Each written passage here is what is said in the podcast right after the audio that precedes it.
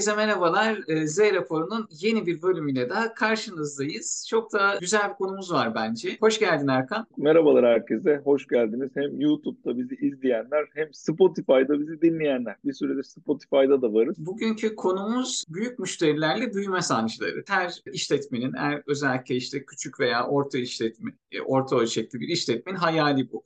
Büyük bir müşterim olsun, işte sabit bir e, şekilde ben fatura kesebileyim alacağım garanti olsun, paramın ne zaman geleceğini bileyim vesaire. E, çünkü daha önceki programlarda değindik hani satış yapıyorsunuz fakat işte paranızı alamay- alamadığınız durumlar var. Çok böyle büyük müşterilerde bunlar daha az e, seyrek olarak karşımıza çıkıyorlar. O yüzden de dediğimiz gibi hani bütün hemen hemen işte küçük ve orta ölçekli şirketlerin hayali bu. Büyük müşterilerimiz olsun. Küçük bir şirketim veya aile şirketiyim ama büyük bir müşteriye hedefliyorum.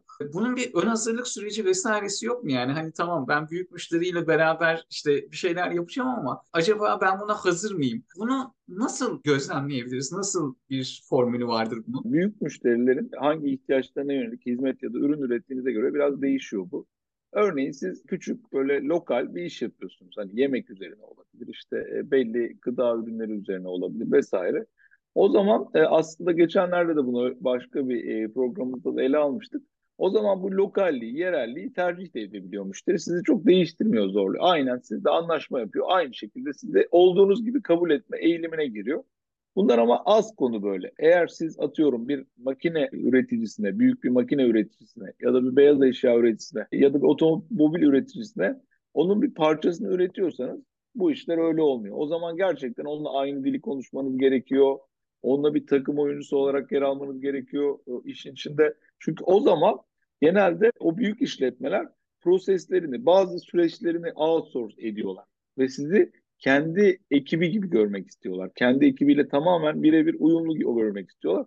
O zaman işte bir hazırlık süreci gerekiyor. Bu hazırlık sürecinin içinde sertifikasyonlar var, kültür var, aynı dili konuşmak var, bazen yabancı dil var. Tamamen ya da bazı e, çalışanlar İngilizce ya da başka yabancı dillerde yazışabiliyorlar.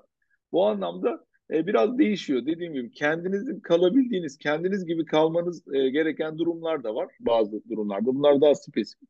Genelde ama bu büyük bir hazırlık ve dönüşüm süreci gerektiriyor açıkçası. Bu Stanley e, Örümcek Adam'ın yazarı çok güzel bir söz yazmış orada. Diyor ki işte büyük güç büyük sorumluluk getirir diyor. Benim de böyle Örümcek Adam işte çizgi filmleriyle diyeyim ya da işte çizgi romanlarıyla ilgili en sevdiğim söz bu. Ya gerçekten de öyle. Sizin artık büyük bir müşteriniz varsa sorumluluğunuz da bayağı büyük oluyor. Dediğin gibi işte yabancı dil olabilir bu. Belli bir şekilde hani dönüşüm geçirmek zorunda kalabilirsiniz. Ayak uydurması olabilir. Artı bir de işin aslında hukuki boyutu giriyor. Belki de siz sadece fatura kesiyordunuz, ödemenizi bekliyordunuz. Firmalarla herhangi bir işte sözleşmeniz, kontratınız, hatta fiyat teklifiniz bile yoktu belki. Çünkü faturayı kestiğiniz zaman o da yasal bir mevzuata giriyor. Ödemenizi alabilirsiniz. Ortaya sözleşmeler geliyor, sözleşmelerin maddeleri geliyor, cezai yaptırımlar geliyor. E, belki sizden teminat mektupları istiyorlar vesaire. Hani hakikaten büyük bir de sorumluluğun da altına giriyorsunuz. Hatta şey bile olabilir böyle e, hani işletmelerde ya sözleşme de çok ağır. Hani kendisinin işi yapabileceğinden emin olsa bile hani bu tip maddeler veya işte sorumluluklar korkutucu olabilir bilmiyorum. Nasıl bir yaklaşım olabilir sence? Ne şekilde bakılmalı? Bence firmanın yani büyük müşterinin değil de o aile işletmesi, küçük orta ölçekli işletmenin kendi stratejilerini bir gözden geçirmesi lazım. Yani gerçekten ne yapmak istiyor? Nereye ulaşmak istiyor? İleride nasıl bir şirket olmak istiyor? İleride nasıl e, müşterileri olsun? Yani böyle gözünü kapattığında kendini nasıl görüyor? Derler ya işte 5 yıl sonra kendinizi nerede görüyorsunuz? Şirketini nerede görüyor 3-5 yıl sonra? Bunlar çok önemli. Eğer şirketini gördüğü yer, yani şirketin olmasını istediği yerle o büyük müşteri örtüşüyorsa, büyük müşterinin ligi örtüşüyorsa o zaman e, bu işi balıklama atlamak lazım aslında. Neden? Çünkü ben şöyle bir örnek veriyorum büyük müşteriler için. Hatta büyük ve bazıları da bunların uluslararası müşteriler için. O da daha ayrı bir katkısı oluyor uluslararası müşterilerin. Hani o da sizi yurt dışı mantığına alıştırıyor, yurt dışı kültürüyle uyumlaştırıyor. Şöyle bir örnek veriyorum. Hani biz e, yıllardır süren bir Avrupa Birliği maceramız var ve bu Avrupa Birliği'ne giremedik. Aldılar, almadılar, alacaklar, adım yok işte şu faz açıldı, bu e, fıkra kapandı, açıldı falan filan gibi konuşmalar geçiyor. Burada e, bu işe bence çok doğru yaklaşan siyasi liderlerin yorumu şöyle. Avrupa Birliği'ne girmesek de bu süreç bizi başka bir noktaya getirecek. Bu süreç bizim ülkemizdeki e, koşulları geliştirmemize yardımcı olacak gibi bir yapıcı bir söylem var. Ben buna çok katılıyorum. Siyasi tarafındaki bir tarafa bunu bırakarak. E, bu söylem aynı. Yani büyük müşteri sizdir.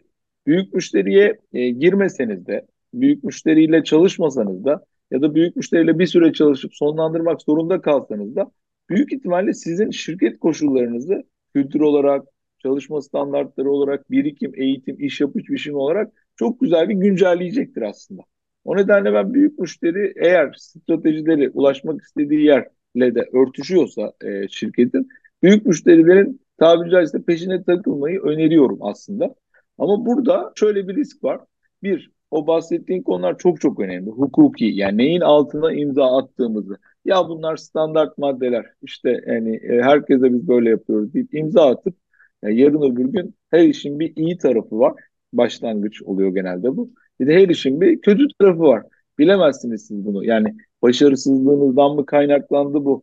Ya da kurumsallarda da çok ciddi bir hareketlik var biliyorsun pozisyon anlamında.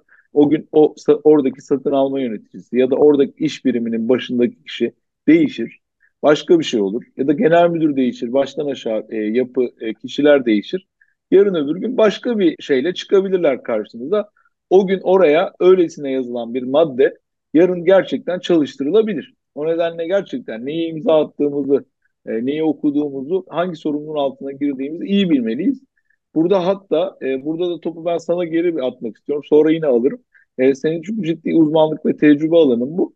E, bu sözleşmeleri ya bizim standart sözleşmemiz imzalayın yoksa olmaz dayatmasından ziyade böyle şerh de düşmek lazım. Yapamayacağını, uygun olmayanı belki de değiştirmek falan gerekiyor o sözleşmeleri.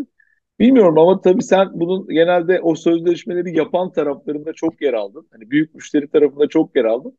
Orada böyle bir esneklik alanı var mı? Yoksa ya kabul edeceksin ya e, ya bu deveyi güdeceksin ya bu diğerden gideceksin gibi mi yaklaşıyor büyük işletmeler? Sözleşmenin değiştirilebilirliği vesaire de genelde tedarikçinin gücüyle doğru orantılı oluyor. Oradaki hizmeti o kalitede, istenilen kalitede verebilecek bir tedarikçi ise işte başka bir şey de yoksa hani o zaman genelde müzakere edilebilir oluyor bunlar hani maddeler. Ama Kızıl Okyanus dediğimiz bir alandaysa, tedarikçi sayısı çok fazlaysa ve güç genel satın almayı yapan, sözleşmeyi hazırlayan kişinin elinde ise o zaman müzakere edilemez olabiliyor. Bir de burada firmaların yaklaşımları da çok önemli. Gerçekten de o büyük güç büyük sorumluluk getiriyor. Siz eğer ki büyük gücü elinizde bulunduran bir firmaysanız o zaman e, sözleşme maddelerinizde kendinizi biraz daha koruyan maddeler de ortaya koyabilirsiniz. Ya da e, tedarikçinizi çok ezmeyen maddeler de ortaya koyabilirsiniz. İşte karşılıklı bazı haklar verebilirsiniz. Kendinizi de cezalandırabilen, tedarikçi ödeme yaptığınız maddeler de koyabilirsiniz. Dolayısıyla aslında tamamen yaklaşımla alakalı bir konu. Sözleşme, dengeli bir sözleşme de olabilir. Siz illaki çok büyüksünüz diye ezici bir sözleşme yapmaya da bilirsiniz. Son derece dengeli bir sözleşme de yapabilirsiniz. Şer konusuna geleyim. Sözleşmeyi hazırlayan tarafın bakış açısıyla alakalıdır. Oradaki maddeye bakar, işe bakar işte çok fazla bir şey değiştiriyor mu, değiştirmiyor mu? Bunları e, gözlemler. Belki de o sözleşme maddesi teklif veren tedarikçi için çok çok önemli bir maddedir ama hani işi yaptıracak kişi için aynı öneme sahip olmayabilir. Hani o zaman e, buna göz yumabilirsiniz, değiştirebilirsiniz. Dolayısıyla hani çok vaka bazlı incelenmesi gereken konular ama ben şunu kesinlikle tavsiye ediyorum. Büyük olsun, küçük olsun. Sonuçta o sözleşmeyi hazırlayan taraf değil ve belki de ilk defa karşısına geliyor o sözleşme okusun. Anlayamadığı yerlerde avukatına danışsın istersen. Hani bazı böyle hukuki terimler de var ya işte çok fazla Türkçe lisanının da dışında oluyor. Kesinlikle altına imza atılan sözleşmenin tedarikçiler tarafından vesaire okuması gerektiğini düşünüyorum. Ben bizim olmazsa olmazımız diyebilirim. Kızıl Okyanus'ta tedarikçi güçsüzse sözleşmeyi yapan büyük müşteriye karşı o zaman kuralları koyamaz. Burada ama benim senin anlattıklarından anladığım her türlü müzakere etmeyi denesin. Ya kafasına yatmıyorsa bir müzakere etsin. En kötü olmaz der. Öyle derler. En kötü olmazsa olmaz. Yani bunda bir sıkıntı yok. Burada da demin hani senin uzmanlık alanına girdik. Şimdi de biraz benim uzmanlık alanıma dönelim. Diyelim ki değiştiremiyor o maddeyi. Konuştu, müzakere etti, okudu, kafasına yatmadı, avukatı onu uyardı. Dedi ki bunu değiştirmek gerekiyor. Karşı taraftan da şöyle bir tepki geldi. Ya biz bunu değiştiremiyoruz. Standart sözleşmemiz buna dokunamıyoruz maalesef diye bir tepki geldi. O zaman uzmanlık alanı dediğim şey şu karar verme teknikleri. En kötü ne olabilir ki diye bir karar verme tekniği var. En kötü olacak şey atıyorum siz bunun karşılığında böyle bir ceza ödendi. Bunun karşılığında bir 20 bin lira ödeyeceksiniz. Yani zarar ziyan hesap yaptınız. Ama işiniz bir buçuk milyon TL'lik bir iş. En kötü ne olabilir ki? Çok bizi üzmez o kadar da. Yani bazı insanın bir lirası bile değerlidir ama yani sonuçta bu bir karar. Ne için ne feda ediyorsun? Ya da bunu ben şeyde çok görürdüm. Bir ara ben de bir kurumsal e, bir şirketin eğitim bölümünün, eğitim sözleşmelerini yapan taraftaydım. Bizim yaklaşık 300'e yakın eğitmenimiz vardı o zaman dışarıda. Böyle sözleşmeleri yaparken ya adam verecek bize bugünün parasıyla 3 bin liralık, 4 bin liralık, 5 bin liralık bir eğitim. Adam oraya koymuşuz 150 bin liralık ceza. Adam korkuyor onu imzalamaya. Orada da hani e, ya bu büyük bir şey deyip en kötü ne olabilir ki sizi korkutuyorsa da o zaman geri adım atmak lazım açıkçası. Bazen çünkü gerçekten o maddenin etkisi gerçekleştiğinde, o gerçekten o risk gerçekleştiğinde başınıza gelen şey o kadar da çoğunlukla korkutucu olmayabiliyor. Onu bir gözünüzde canlandırmak lazım. Bu konularda da e, ufak bir parantez daha açayım. Avukatlar dediğin için. Avukatlarla çalışırken de avukatların söylediğiyle işletme bakış açısını çok güzel birleştirmek lazım. Çünkü avukatlarımız sonuçta e, savunan tarafta, sizi savunuyorlar ve karşı tarafı kendi mesleki bakış açıları nedeniyle bazen çok karşı taraf gibi görüyorlar. Yani her maddeye böyle hop hop hop böyle olamaz, şöyle olamaz. Ama şimdi bir de iş gerçekleri var. O nedenle o iş gerçekleri tarafıyla avukatlarımızın önerilerini iyi birleştirmeliyiz. Yoksa o, o konuda çıkmaza sürükleyebiliyor bizi. Benim gözlemlediğim kadarıyla. İşi yapmak istiyor muyuz, istemiyor muyuz? biraz evet. oraya geliyor ondan evet. sonra. Programın başında biraz değindik işte. E, tedarikçi geliştiren firmalar var. Standartlardan da biraz bahsettik. O standartları uyguladıkça firma olarak kendinizi geliştirebiliyorsunuz. İşte bu standartın da ne olduğu çok şey değil aslında hani ISO standartı dediğimiz işte e, belki üretimle alakalı, yönetimle alakalı bir standartken işte NATO standartını bahsedersek o zaman bu da askeri bir disiplin getiriyor. Aslında benim gözümde hani standart belirli bir disiplini getiriyor. Firmanın sizden X bir standartı istiyorsa o gerçekten de sizi geliştirecektir kesin. Yani öyle ya da böyle en azından bir şekilde disiplininize olacaksınızdır. Bir de şöyle bir şey var işte e, ben X bir tedarikçiyim. İşte e, mesela otom bir otomotiv firmasıyla çalışıyorum çok büyük ve o firmayla işte çalıştım, çalıştım, çalıştım. Bütün her şeyimi o firmanın standartlarına göre özelleştirdim. İşte makine kalıplarım olsun, bakım aralıklarım olsun, işte belki mesai saatlerim o firmaya göre düzenlendi. Fakat Türkiye'de bunları çok gördük yani. Hani hatta yakın bir zamanda bir Japon e, fabrikası da kapandı. E tamam ben küçük tedarikçiydim ama benim her şeyim o üreticiye göreydi yani yani A'dan Z'ye. Ben şimdi ne yapacağım? Bu şey çok önemli. Yani risk ya bir anda sizin büyük müşteri ya da bir büyük bir portföyle çalışmanız size belli bir finansal istikrar getiriyor. Yani işte en azından alacağınızı biliyorsunuz. Belli bir o yıl için hacminizi biliyorsunuz. Hatta o hacmi garanti etmeniz zaten isteniyor onlara. Siz de böylelikle bir nakit akışı garanti etmiş oluyorsunuz aşağı yukarı falan. Bunlar çok güzel şeyler. Ama bir yandan da bu bir bağımlılık geliştiriyor. Yani siz artık eğer bu büyük e, müşteri sizin bir müşterinizde atıyorum yüzde yetmiş cironuzu e, bu müşteri kaplıyorsa, yüzde doksan cironuzu bu müşteri kaplıyorsa burada bilin ki o zaman bu firmada herhangi bir öksürük sizde çok büyük hastalıklara neden olacak. Siz verem olacaksınız o öksürünce. Yani çünkü siz kitleneceksiniz. Onun çünkü belki binlerce müşterisi var bir o büyük e, şirketin.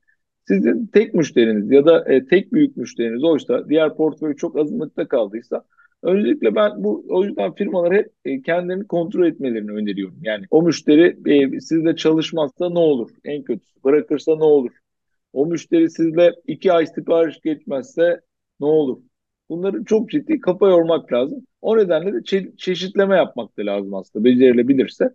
Yani bu tabii her zaman kolay olmuyor. Hele rakipler yani birbirlerini çalıştırmak da istemiyorlar genelde. Siz bir otomotiv şirketine parça üretirken öteki otomotiv şirketine parça çok üretemiyorsunuz. Öyle bir dünya yok. Ama ne yapabilirsiniz? Ya başka bir alanda, başka bir sektörle e, bir şeyleri filizlendirebilirsiniz açıkçası. Bu riski böyle yönetebilirsiniz. Bir de bunun iyi tarafı var. Yani e, orada standartlardan bahsetmiştin ya abi. Yani bize bu şirketler belli standartlar katıyorlar. Otomotivden devam edersek atıyorum ISO 16941 diye bir tane standart var mesela. Bu ciddi anlamda çok en kapsamlı ISO çalışmalarından biri. Siz otomotive parça üretiyorsanız bunları buna uyum sağlamanız gerekiyor. Bu çok ciddi geliştiriyor. Çok bütünsel bir yaklaşım. Ben bunun içinde bir iki yer aldım böyle çalışmaları.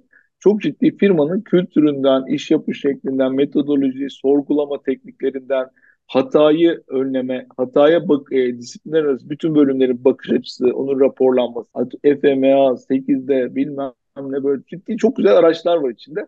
Ya siz aslında bu standardı alarak gerçekten yönetim sürümünüzü update ediyorsunuz. Hani vardır ya böyle 1.1, 1.2, 1.3 Buna girdiğin zaman 1.1 değil yani 2 oluyor direkt. 3 oluyor yani. 2.0, 3.0 oluyor. O yüzden bunlara girmek lazım. Bunlara şöyle bakmak gerektiğini düşünüyorum ben. Ben eğer 16.941 alırsam ya da ben geçen biliyorsun bir müşterimizde yaşadık bunu CE belgesi alırsam Türkiye'de biz CE diyoruz işte e, ama e, CE belgesi yani Avrupa'da ürün satmanız için gereken o belgeyi alırsanız bu bir yatırım. Buna öyle bakması lazım aslında küçük ya da aile işletmelerin. Bu, bu yatırımı ben nerede kullanabilirim? Yani bunu sadece siz o firma için yapmıyorsunuz. Siz bunu yaptığınızda siz o sertifikayı, o belgeyi, o gereksinim isteyen başka yerleri de pazar potansiyel pazarınıza dahil etmiş oluyorsunuz. İşte bunu bir hesaplamak lazım. Bazen gerçekten atıyorum bir sertifika ister biri o sektörde Dünyada hiç kimse o sertifika istemiyordur. Ona özeldir. O zaman bilin ki o para, onu hani vardır ya böyle kalıp üretirler müşteriye. O kalıp müşterinin kalıbıdır. Ayrılır böyle. Orada parayı müşteriye ödetmek lazım. Çünkü kalıp onun yani. Başka bir yerde kullanamaz. Ama kalıp onun değilse o kalıpta başka birilerine iş yapabileceksen. Yani kalıptan benzetme yapmaya çalıştım. Sertifika, yaptığın yatırımlar başka bir işe yarayacaksa örneğin başka bir sektörden bir örnek verelim hijyenle ilgili gıdaya temas eden ürünlerde BRC diye bir standart var. Yani ben bunu ambalaj sektöründe denk gelmiştim. Gıdaya temas eden o ürünlerde BRC standartını gerçekleştirirseniz e, eğer gıdaya dokunan Avrupa'da birçok yere çok büyük işletmelere mal ve hizmet sağlamanızı sağlıyor. Ama karışıyor senin. Diyor ki sosyal uygunluk diye bir şey var. Senin çalışanla iletişimine karışıyor. Senin çevreyle ilişkine karışıyor. Senin işte tedarikçinle iletişimine ilişkine karışıyor. Böylelikle mesela bu BRC de aynı. Bu ISO 9, 16941 e, gibi sizi aslında başka bir yere götürecek yine çalışmalardan biri. Bunu yani bir yatırım olarak bakıp hani yatırım varsa bir yatırımın geri dönüşü de var tabii ki. Yani e, bu yatırım bana hangi pazarları e, kırmızıdan yeşile çevirecek, yani girilir hale getirecek. Bunu bir değerlendirmesi lazım şirket. Böyle kararlarını bu doğrultuda alırsa hem o firmalar siz onları bıraktığı zaman ya da o firmalar bir süre durdurabilir sadece. Bir 5-6 ay onlarla çalışmadığı zaman zaten elinde bir o kaslarla başka bir şey de yapabilir durumda olacak. Ya da ilk başta bahsettiğim gibi portföyünün çok büyük bölümünü bağımlılık derecesinde ona aktarmazsa, yumurtalarını ayrı sepete koyarsa tabiri caizse o zaman da oradan bir şey akmıyorsa buradan devam edecek bir süre. Sonra yine oradan gelmeye başladığında oraya dönecek. Ya böyle bir portföy yönetimi sanki mantıklı olabilir gibi geliyor bana. Üniversitelerin böyle İngilizce sınavları oluyor ya hani o sınavı geçersen eğer İngilizce hazırlığı okumuyorsun. Direkt hani birinci seneden başlıyorsun. Ama geçemezsen de okuyorsun. Eğer siz, siz bir üniversitenin sınavına sadece hazırlanırsanız ama o sınavın da belli belki gereklilikleri vesairesi vardır ona hazırlanırsanız o üniversitede ya sınıfa atlarsınız ya da atlayamazsınız. Ama siz TOEFL'a hazırlanırsanız hani de böyle her yerde geçerli olan bir e, İngilizce sonucuna hazırlanırsanız o üniversite olmazsa başka bir üniversitenin de hazırlık sınıfına atlayabilirsiniz. Pek çok büyük işletme tedarikçisinin cirosunun belirli bir e, oranından fazlasını da almak istemiyor. Bu tedarikçiyi düşündüğünden dolayı işte neden? E, belki başka bir sektöre girer, belki işte başka bir şey yap ama o tedarikçinin de aslında yaşamına devam etmesi lazım, nefes almasına devam etmesi lazım. Topul örneği benim çok hoşuma gitti. Burada aslında şöyle bir yaklaşım geliştirilebilir. İnsanlar genelde e, çalıştıkları ülkenin, müşterisinin iş yaptığı ülkenin, kendi ülkesi, Türkiye gibi, burası gibi ya da müşteri başka yerdeyse onun ülkesinin standartlarını karşılamaya çalışıyorlar ne oluyor? Orada bir tik atmaya çalışıyor yani. Motivasyon tamamen müşteriyle çalışmak. Halbuki onun bahsettiğin gibi üniversite sınavları işte üniversitenin İngilizce sınavına mı girelim yoksa TOEFL'a mı girelim gibi uluslararası sertifikasının olup olmadığını bir kurcalasa genelde bazı işletmeler bunu söylemiyor. Biz bunları istiyoruz diyor. Belki de o kendi bir arasa, bir Google araması yapsa, sağa sola bir sorsa etse belki de onun bir uluslararası sertifikası var aslında. Uluslararası sertifikası muhtemelen daha da maliyetli. Alması daha da zor. Ama bir tanesi biri için, öteki hepsi için. Bunu şeye benzetiyoruz. Geçen bizim e, kendi alanımızla ilgili biliyorsun böyle bir çalışmamız oldu. Yani mesela Türkiye'de birçok konuda danışmanlıkla ilgili sertifikasyonlar var. Ama biz gittik ne yaptık? Ben kafaya taktım. O CMC yani Uluslararası Danışmanlık Sertifikasyonu almak için bir yola çıktım. Biraz uğraştırdılar açıkçası. Uğraştırdılar ve süreçleri kolay değildi, zordu. Çok kaliteli, keyifliydi ama eşimiz arasında uğraştırdı bizi birazcık. Ancak o sertifikaya sahip olduk. Şimdi biliyorsunuz hani, hani sen, diğer arkadaşlarımız da bu yolda. Biz yani o anlamda biz çünkü biliyoruz ki yarın öbür gün işimizden biri Kanada'ya da gittiğinde CMC, CMC, başka bir ülkeye de gittiğinde CMC, CMC. Ya bu anlamda hani derler ya terzi kendi söküyor dikemez. Ya biz kendimiz de böyle davranıyoruz aslında. Daha fazla efor sarf edip ama en azından onun her yerde kullanılabilir hale gelmesini sağlamaya çalışıyoruz. Size de bunu tavsiye ediyoruz. Motosiklet ehliyeti almayı kafama koymuş. Belgeleri verdim. Bir geldi eğitimde. Herkes böyle küçük küçük motorlara biniyor. Ee, benim motor devasa. İnanılmaz büyük bir motor geldi. Dedim bu ne? Ben şunlara da şunlara bineceğim zaten. Hani, kullanırsam da ya şunlardan kullanacağım. Bunu niye verdiniz? Abi diyor olmuşken büyüğü olsun dedik diyor. Orada motor hacimlerine göre motosiklet ehliyetleri değişiklik gösteriyor. İşte belirli bir cc'ye kadar belirli bir hacim vesaire. E, benimki de böyle işte 650 cc ve üzeri falan bir şeye başvurmuşlar hani olabiliyor diye. Önce kızdım. Ya çünkü o motoru kullanmak çok daha zor. Onu öğrenmek de çok daha zor. Sonra da takdir ettim olabiliyorken hani iyisi olsun demiş adam ona başvurmuş. Kesinlikle katılıyorum. Hani uluslararasında araştırın sertifikanın şeyine de bakın ve başka yerlerde de mümkünse geçerli olan bir yola girmek daha mantıklı bence de. Anneler derdi ya yani söylemek bana uyguladığın sana diye bir laf vardır böyle. Buna benzer biraz daha değişik galiba. Bu onun gibi aslında. Bu firmalar bizlerden bunu talep ediyorlar aslında.